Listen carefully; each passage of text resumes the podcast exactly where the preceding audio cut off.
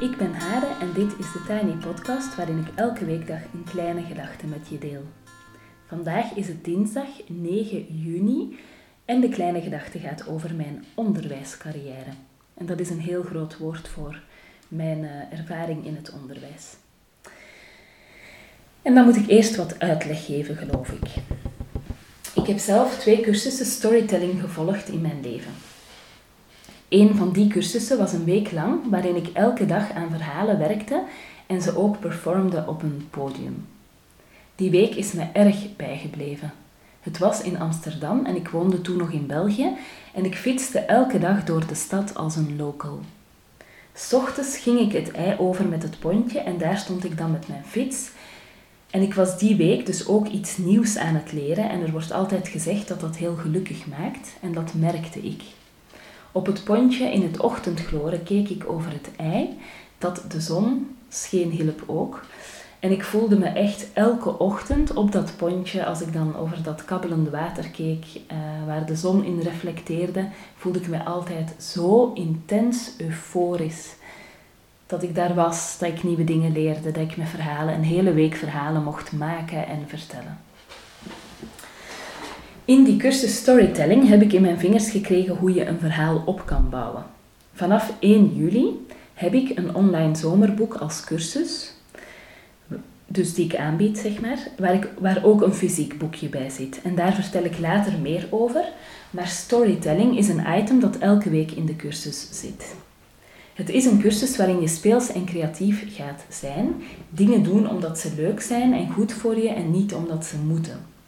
Dat klinkt misschien heel erg oppervlakkig, maar het is heel gezond en heel helend om dat te doen. en het is diepgaand, maar wel op een leuke manier.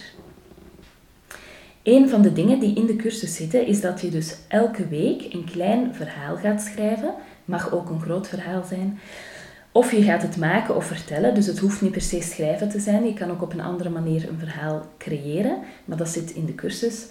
Uh, en vandaag vertel ik een klein verhaal uit mijn leven, een verhaal waar ik ook in die week in Amsterdam aan gewerkt heb. En het is een verhaal dat ik later, als ik uh, af en toe voor een publiek moest spreken, ook nog wel een aantal keer op een podium heb verteld.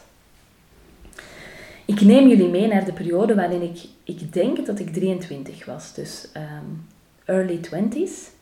En ik had toen twee banen. Ik werkte aan de Radboud Universiteit in Nijmegen en ik gaf drie dagen per week les in Brussel in de lerarenopleiding basisonderwijs. De periode kenmerkte zich door veel reizen, telkens met de fiets naar het station en ofwel ging ik naar Nijmegen met een rugzak en een koffertje, want daar bleef ik dan ook slapen, ofwel ging ik naar Brussel waar ik uit het station stapte en over de daklozen moest stappen die lagen te slapen onder hun dekens bij het station daar. Het was het Zuidstation in Brussel.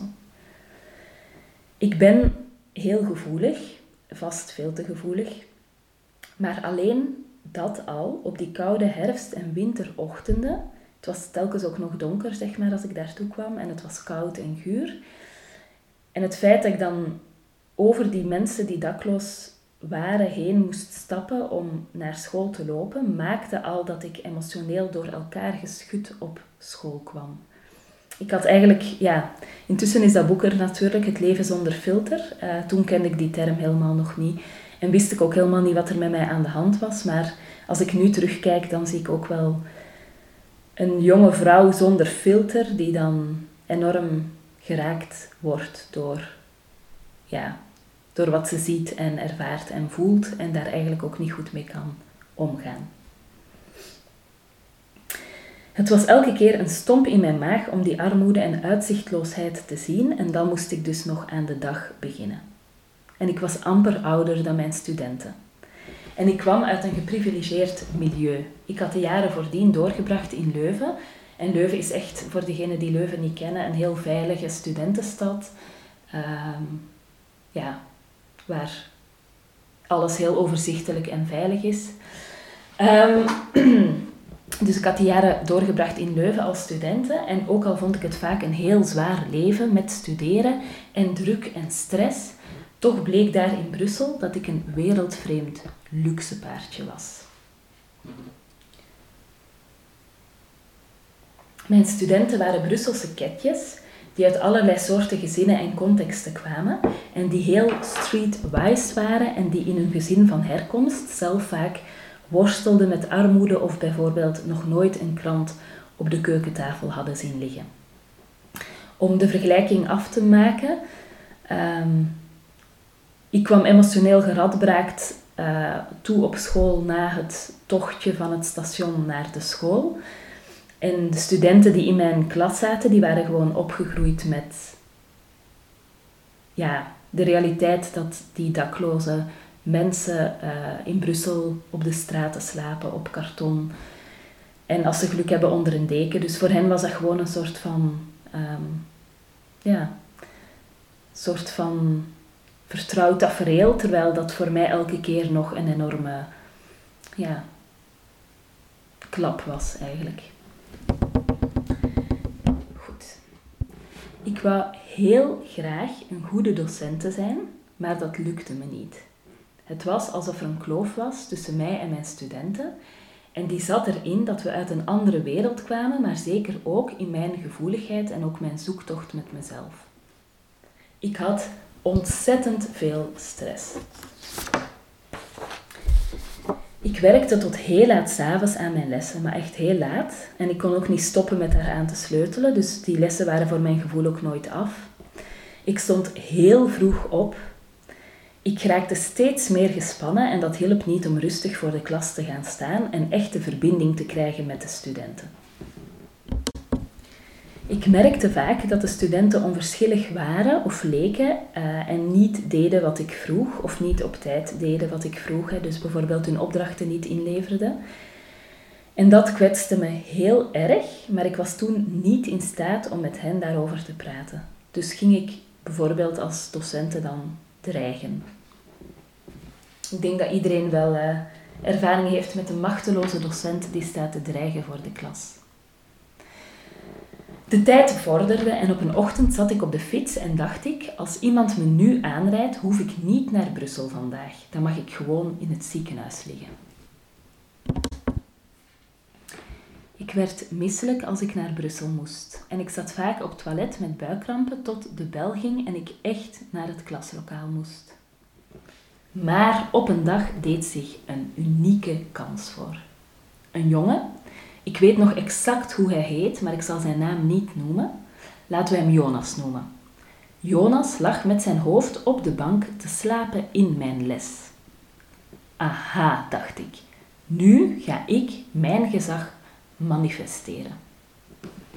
Ik ging naast Jonas staan, maakte hem wakker en vroeg hem uit de klas weg te gaan als hij toch maar zat te slapen.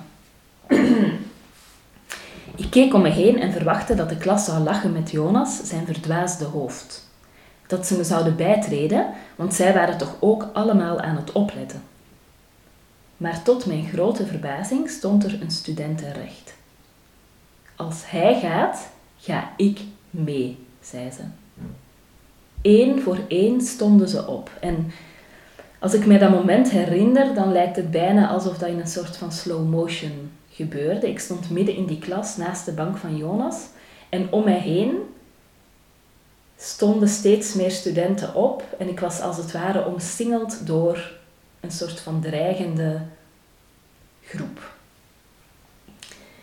Dus daar stond ik omsingeld en de hele klas stond op het punt om te vertrekken. En ik wist, als dit nu gebeurt, als zij nu met z'n allen weggaan, dan kunnen we ook nooit meer terug. Dus dan ja, ben ik mijn gezag kwijt, dan ja, dan kan ik gewoon niet meer met deze klas verder werken. En het was Jonas die mij redde. Ik ga wel, het is oké, zei hij. Blijf zitten, zei hij tegen zijn medestudenten.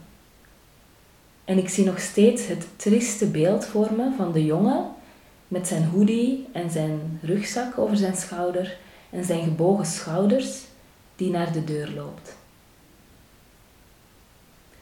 Bevend gaf ik verder les. Het werd uiteraard geen succes meer en ook daar ben ik niet in staat geweest toen, met wat ik toen wist en kon en de stress die ik toen had, om de gelegenheid tot gesprek aan te gaan. Ik kwam in de lerarenkamer en vertelde daar stoer mijn verhaal tegen de leraar Nederlands. Zo'n beetje stoer en verontwaardigd. Wat er gebeurd was, dat het me gelukt was toch om Jonas buiten te zetten en de klas binnen te houden. En die leraar keek me aan en hij vroeg of ik het dan niet wist. Nee, ik wist het niet. Wat moest ik weten? Jonas leefde alleen met zijn mama. Ze leefde van een uitkering en Jonas waste s'nachts af in de Brusselse horeca om zijn moeder te helpen de huur te betalen en om zijn studies te betalen. Studies die hem en zijn moeder een toegangsticket moesten geven tot een beter leven. Die jongen in mijn klas die had dus heel de nacht gewerkt en dat hij nog naar school kwam was echt een prestatie. En dat hij in slaap was gevallen was denk ik gewoon ja, onvermijdelijk. En in plaats van dat de, ja, in plaats van enige sensitiviteit te tonen voor een context die ik overigens ook niet kende, ehm, heb ik die jongen die eigenlijk heel erg zijn best deed, heb ik die gewoon buiten gezet. Ik was daar echt kapot van. Ik geloof dat ik Jonas er nog een keer heel onhandig over aangesproken heb. En mijn opdracht liep af. Ik besloot ze niet te verlengen en volledig naar de Radboud Universiteit te gaan, waar ik als luxe paardje meer op mijn plek was. Laatst werd er mij nog gevraagd om te solliciteren op een lerarenopleiding en ik durfde niet. Ik heb heel veel geleerd in Brussel, onder andere dat ik waarschijnlijk niet geschikt ben of was als docente, zeker niet toen, zeg maar. Maar het belangrijkste was dat ik leerde dat er altijd een verhaal is. En dat je moet zorgen dat je dat kent. Of dat je je tenminste bewust van, of dat je je er tenminste bewust van bent dat je het niet kent.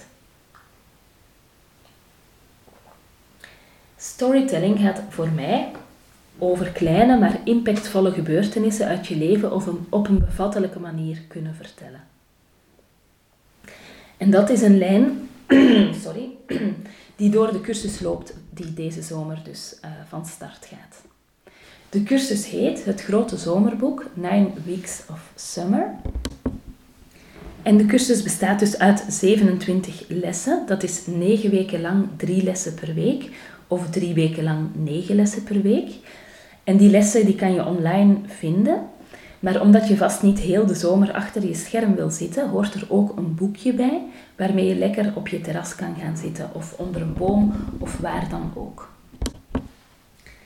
Dat boekje, dat fysieke boekje, um, nodigt je 63 keer uit. Dat is dus 9 weken lang, 7 keer per week, of welk ritme jij ook wil aanhouden, om te reflecteren, te schrijven, bij jezelf te komen.